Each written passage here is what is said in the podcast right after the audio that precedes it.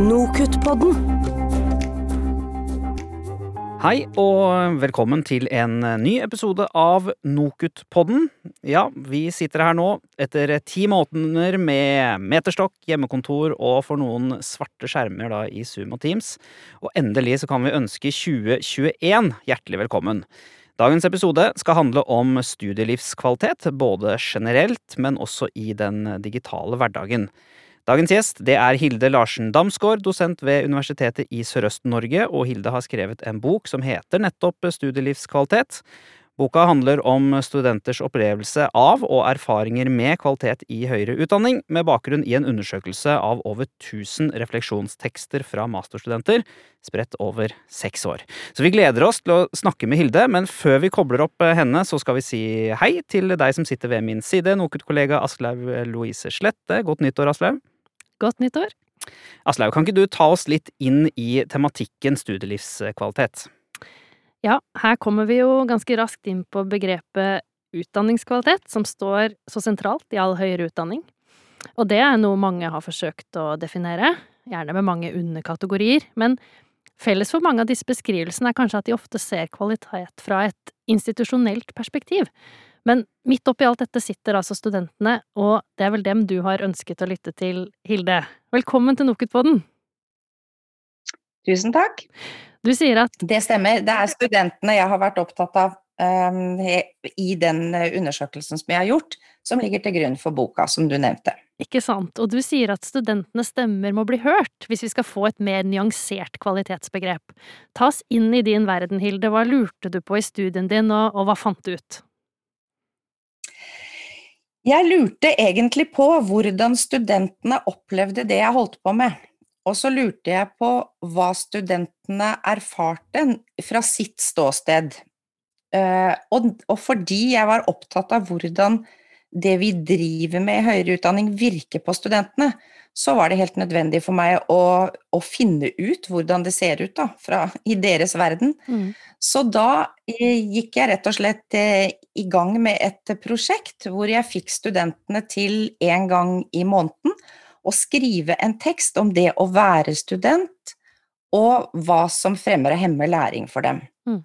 Og ofte så spør vi jo studenter i andre sammenhenger. Heldigvis så har vi nå fått nasjonale undersøkelser som studentundersøkelsen som er en del av studiebarometeret hvor studentene årlig eh, kommer med sine tilbakemeldinger om høyere utdanning. Og Der er det også noen muligheter til å bruke egne ord, men først og fremst er det avkrysning. Mm. Så det jeg var opptatt av, det var å prøve å, å, nærme meg det ved å tenke at hvis studentene skal sette sine egne ord på det, altså hvis ikke de skal svare på det jeg lurer på, eh, hvordan vil de da beskrive sin studiehverdag? Så det var noe av utgangspunktet, altså at studentene skulle kunne skrive om det de var opptatt av, uten at jeg hadde bestemt på forhånd hva det var de skulle svare på.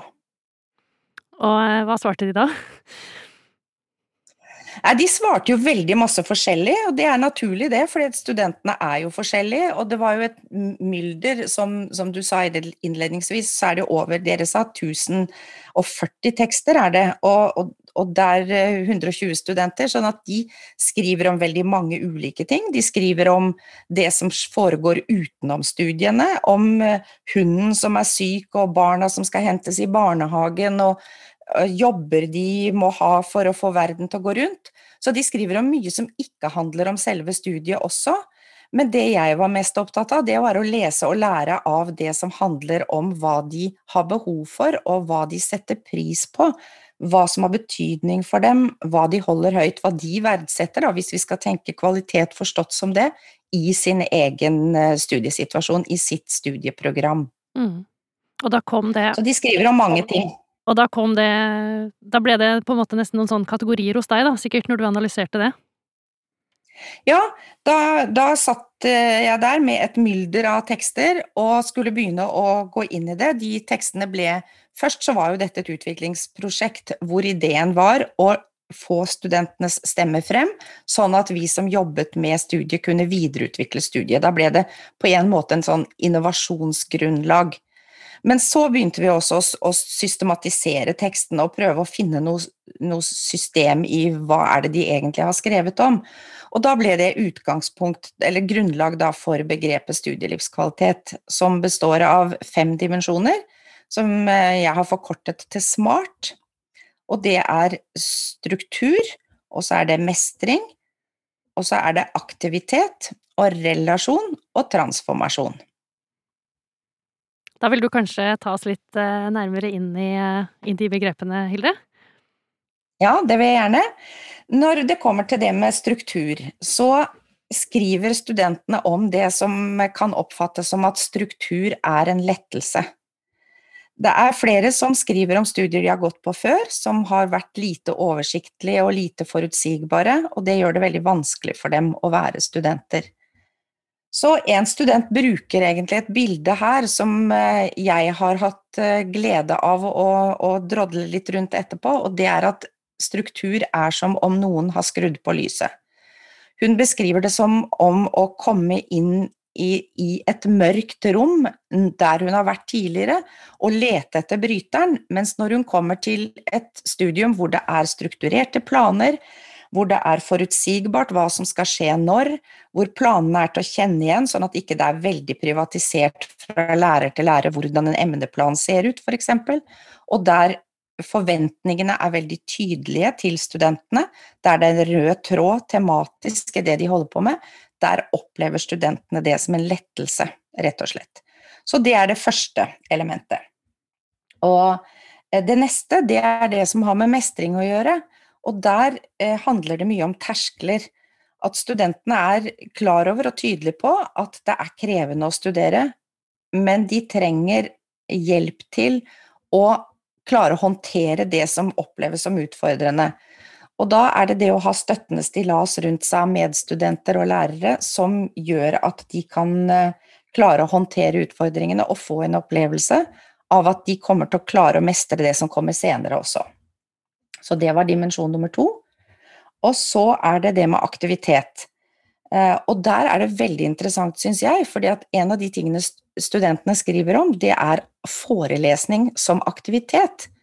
Og det er jo litt sånn paradoksalt for oss, for vi er jo kanskje vant til å tenke den tradisjonelle forelesningen som nokså passiv, men studentene verdsetter forelesninger som gir rom for dialog og deltakelse, og der de ikke bare kan stille spørsmål, men også tenke høyt og diskutere med medstudenter og lærere. Og så er de veldig opptatt av ehm, det med skrivetrening, sånn at de får mulighet til å bli bedre til det vi er veldig opptatt av i høyere utdanning, nemlig at folk skal kunne akademisk skriving også. Og tilbakemelding er kjempesentralt i den sammenhengen. Da har jeg tatt tre, altså struktur, mestring og aktivitet. Og så er det det med relasjon. Og det handler i stor grad om eh, relasjonen til lærere. Eh, og der beskriver studentene relasjoner som er eh, i forelesningsrommet hvor de ikke har noe privat med læreren å gjøre, og de, de er ikke i noe direkte kontakt med læreren, men de føler likevel at læreren at de kjenner læreren når læreren er engasjert i det læreren formidler tematisk, og i deres læringsprosess. Så det er viktig for studentene å ha relasjoner faglig med lærerne, og også i form av at lærerne ser på arbeidene deres, og så er det viktig for studentene å ha relasjoner til medstudenter, sånn at de har eh, noen å studere sammen med, og det er, som en av studentene skriver det, som å ha en lykkestein i lomma når det fungerer. Og så er det veldig problematisk for dem når det ikke fungerer, og de er nødt til å samarbeide med mye med det som blir gratispassasjerer, og da er de veldig kritisk til et studiested som legger opp mye til samarbeid, men ikke støtter studentene når det blir vanskelig. Og den siste dimensjonen, det er transformasjon. Det er det som går på personlig og faglig utvikling, endring. Og der legger studentene vekt på at studiet betyr mye for dem, fordi det får dem til å tenke nytt, forstå mer, og kanskje ta av seg de fordomsfulle brillene som de har hatt, sånn som noen studenter skriver det som. Og også at studiet betyr noe for tankegangen deres og tilnærmingen deres til problemstillinger også utenfor studiet. Så det er i hovedsak det studentene er opptatt av når tekstene er analysert på denne måten. Ja, hvordan har du da tatt med deg denne smart-modellen inn i eh, inn i din undervisning? Altså, hva bruker du din nå, eh, for å kalle det, nye kunnskap om eh, studielivskvalitet? Nei, først så har jeg brukt det til å få et bilde av hvordan høyere utdanning ser ut. Altså nyansere bildet mitt, og nyansere bildet mitt av eh, kvalitet. Men så har jeg i det siste, særlig nå når vi jobber mye mer digitalt, så har jeg brukt det som et slags rammeverk i undervisningsplanlegging. Altså hvordan kan jeg eh, bli en bedre læringsarkitekt? På den måten at jeg er opptatt av å, å legge opp til undervisningsopplegg, og ikke bare foreleser og går igjen, hvis dere skjønner hva jeg mener med det. Så det har kanskje ført til at jeg er mer opptatt av å tenke læring og læringskonsepter, og, og, tenke hvordan skal jeg skape struktur for studentene i denne sammenhengen? På hvilken måte kan jeg fremme mestring? Hva slags aktiviteter skal jeg ha, og hvorfor skal jeg ha de aktivitetene? Og hvordan skaper vi faglige relasjoner i digitale rom? Og ikke minst, hvordan skal vi få dette her til å bli en bevegelse? Altså at det skjer en utvikling hos studentene gjennom det vi holder på med nå. Ja, hvordan... Så det har blitt et rammeverk for meg, rett og slett. Mm. Hvordan syns du at uh, skilnaden da mellom den uh, for å kalle det 2019-forelesninga og 2020-forelesninga, altså hvordan syns du det Eh, det skillet er? Det var enklere på mange måter å være lærer i et klasserom når det gjelder det å få med seg hvordan studentene reagerer og responderer, og, og det er enklere på, på mange måter da, å få, få, en dialog opp og gå. Så det er, eh, det er mye som er å foretrekke med å møtes fysisk i klasserom eller i undervisningsrom.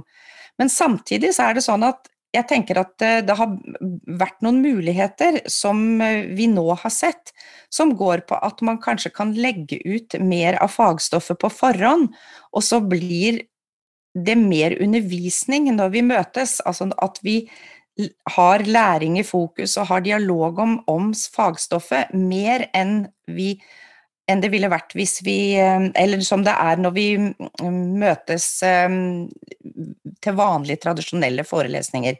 Fordi at hvis man eh, har en vanlig forelesning i et fysisk klasserom, så er kanskje det er lettere da å tenke at man snakker mye selv, og så slipper ikke studentene så mye til. Men når man jobber digitalt, så må man gjøre det annerledes. Og det tenker jeg er en, en, noe som har blitt bedre på mange måter, da. Mhm. blir en annen form for studentaktivitet nå, fordi vi er nødt til det. Vi, vi kan jo ikke bare fortsette å sitte og, og se på studentene, og de skal sitte passivt i den andre enden når vi møtes digitalt.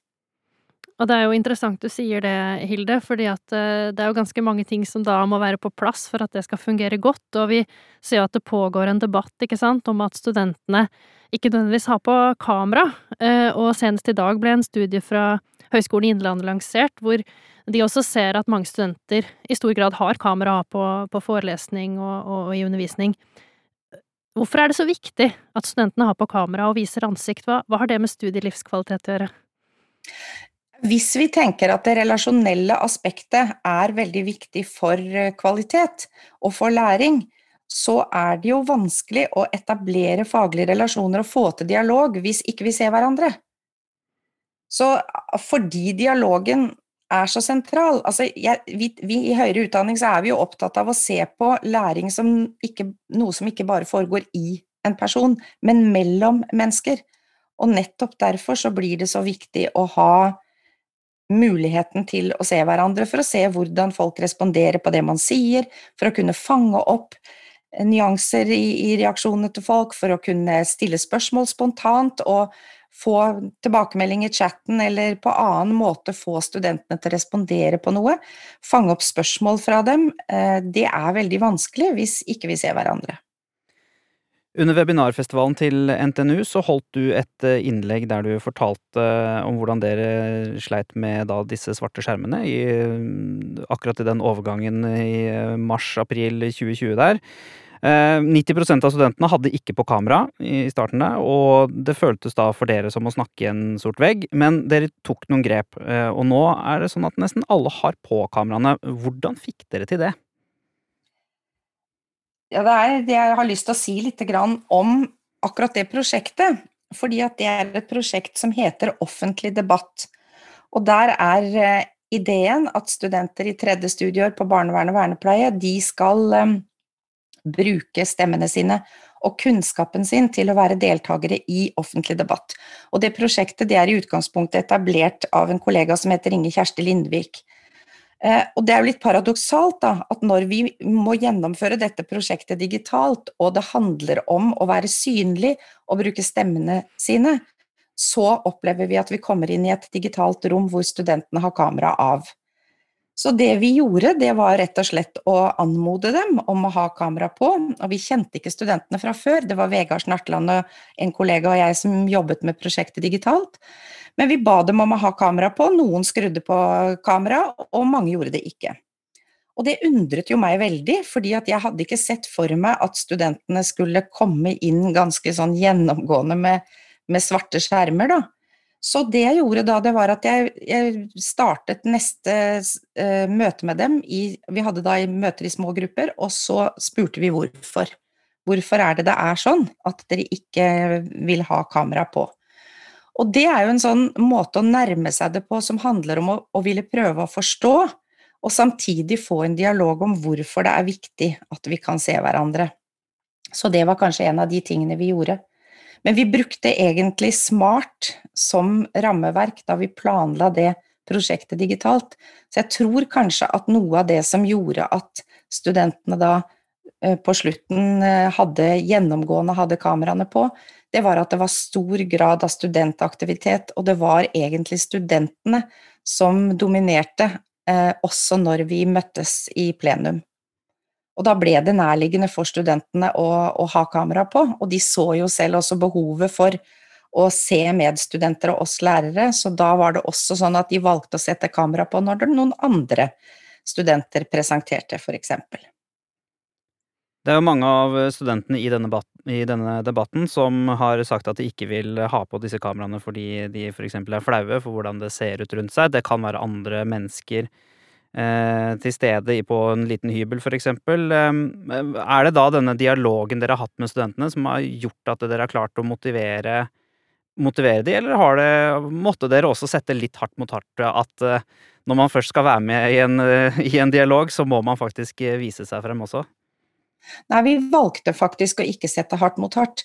Og det henger jo sammen med at eh, eh, hvis vi ser for oss at læring er en form for samskaping, eller at det handler om dialog, så, så, kan man godt tvinge folk til å være til stede, men man kan ikke tvinge folk til å delta, man kan ikke tvinge folk til å bidra. Så det å lage læringsaktiviteter som gjør det helt naturlig å delta, det tror jeg da er veien å gå. Så vi, vi, valgte å ikke sette hardt mot hardt. Men det var også veldig interessant å høre hva studentene sa som grunner, fordi de sa noen av de tingene som du sier nå. At de, de vi hadde ikke lyst til å vise fram hvordan det var hjemme, eh, og at noen hadde ikke stått opp, og noen syntes de var stygge på hår, de syntes det var vanskelig å se seg selv, men det var også noen som var veldig utrygge på hva medstudenter kunne komme til å gjøre, om de kunne ta bilde av dem, om de kunne legge ut det bildet, om de kunne ta kopi av ting i chatten.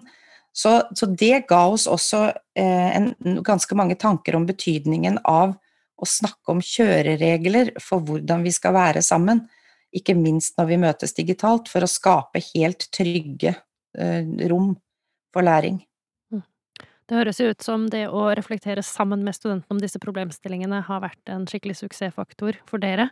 Og nå vet vi en del mer om studielivskvalitet, og det har gått litt tid siden eh, studien du gjennomførte. Føler du at du har oppnådd det du håpet på, altså et mer nyansert kvalitetsbegrep?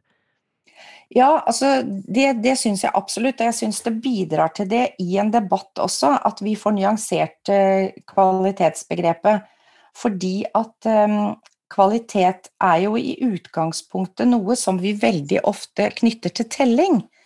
Altså det er merkelig, men, men, kvalitet blir veldig fort kvantitet. Vi, vi, teller og måler, og så er det sånn at det er viktig, selvfølgelig, fordi vi bruker masse penger på utdanning i Norge, eh, og da er det viktig at vi vet noe om hva vi får ut av de pengene. Altså vi må være opptatt av effektivisering også, og nytte, men ikke bare. Så, så, når vi har denne produksjonsorienteringen med antall studiepoeng og antall publiseringspoeng, så kan det fort bli sånn at kvalitet som et kvalitativt fenomen forsvinner. Eh, og, og kvalitet er jo også noe som er kvalitativt. Altså det handler om det vi verdsetter, eller det som betyr noe for oss. Og da er det veldig viktig, tror jeg, å få fram studentenes eh, beskrivelser og fortellinger og erfaringer og det er med på å nyansere kvalitetsbegrepet, at vi innfører et, et, et tillegg til den kvalitetsforståelsen som råder, og kanskje også noe som kan utfordre den kvalitetsforståelsen. Det er ikke bare gjennomstrømming som er viktig, det er hvordan studentene har det mens de er i studiesituasjonen, og hva de lærer mens de holder på. Mm -hmm. Så jeg tror kanskje det at det kan bidra til For dette her studielivskvalitetsbegrepet, det er jo ikke noe definitorisk begrep eller noe begrep som er entydig. Det er et begrep som er ment som et sensitiverende begrep som skal gjøre oss mer oppmerksomme på kvalitet, også forstått som det erfarte og opplevde, og med studentene som de helt sentrale aktørene. For det er tross alt de vi har utdanning for.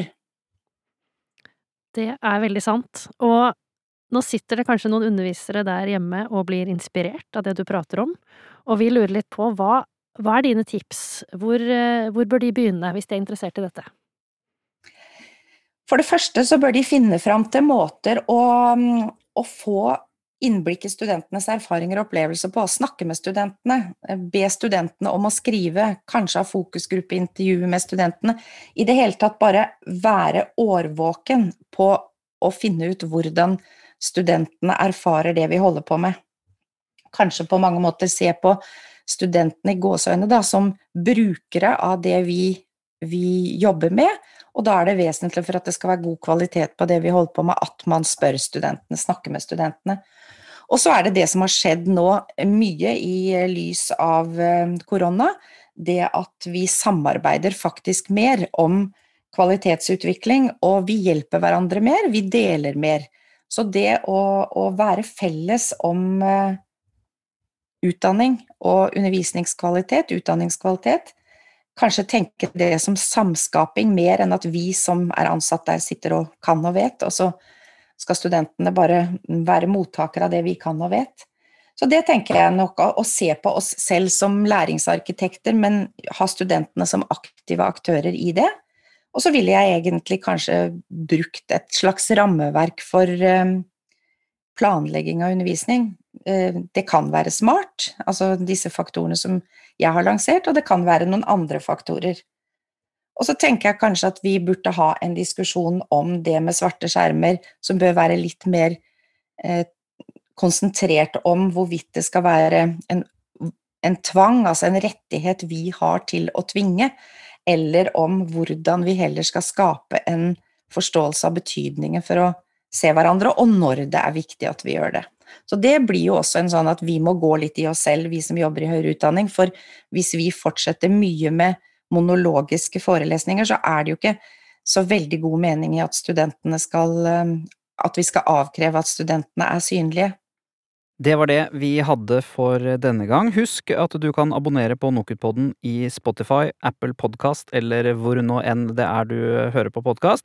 Der finner du eh, over 30 faktisk episoder av Nokutpodden eh, om alt fra undervisning til praksis og vurdering osv. Tusen takk til vår gjest Hilde Larsen Damsgaard fra USN som var med oss i dag. Takk til min kollega Aslaug Louise Slette som var med. Eh, og jeg, Christian Berg, sier takk til deg som har hørt på. Så høres vi snart igjen. Nokutpodden.